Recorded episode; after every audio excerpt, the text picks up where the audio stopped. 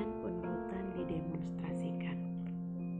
Kejadian 22 ayat 12 Lalu ia berfirman, Jangan bunuh anak itu dan jangan kau apa-apakan dia.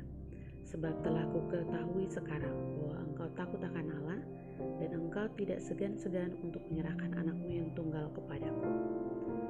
Abraham yang dalam penurutannya akan perintah ilahi mengadakan perjalanan dengan Ishak di sisinya ia melihat di hadapannya gunung yang dikatakan Allah kepadanya akan dinyatakan sebagai tempat ia harus mengorbankan anaknya.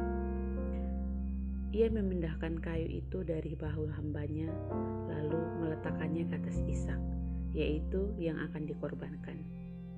Ia mengikat jiwanya dengan keteguhan dan kepatuhan yang menyengsarakan nyawanya. Siap untuk pekerjaan yang dituntut Allah supaya dilakukan. Dengan hati yang hancur dan tangan yang sangat lemas, ia mengambil api. Ketika Ishak bertanya, "Ya Bapak, di sini sudah ada api dan kayu, tetapi di manakah anak domba untuk korban bakaran itu? Oh, tetapi Abraham tidak dapat memberitahukan kepadanya sekarang. Bapa dan anak mendirikan mesbah, dan tibalah saat mengerikan bagi Abraham untuk memberitahukan kepada Ishak hal yang telah menyengsarakan jiwanya sepanjang perjalanan yang jauh. Bahwa Ishak sendirilah korban itu. Ishak bukanlah seorang anak-anak ia adalah orang muda yang sudah dewasa. Ia tentu dapat menolak untuk menyerahkan kepada maksud bapaknya. Sekarang ia memilih berbuat demikian. Ia tidak menunda bapaknya sakit ingatan. Dan tidak pula ia berusaha hendak mengubah maksudnya. Ia menyerah.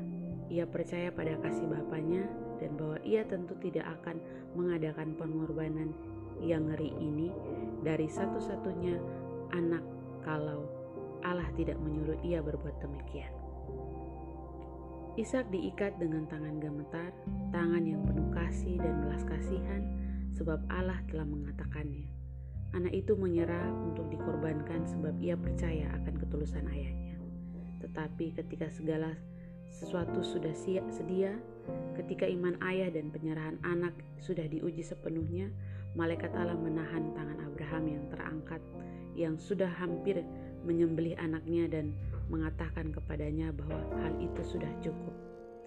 Untuk menuruti Allah dengan sukarela di bawah segala keadaan, keberanian yang besar pun diperlukan.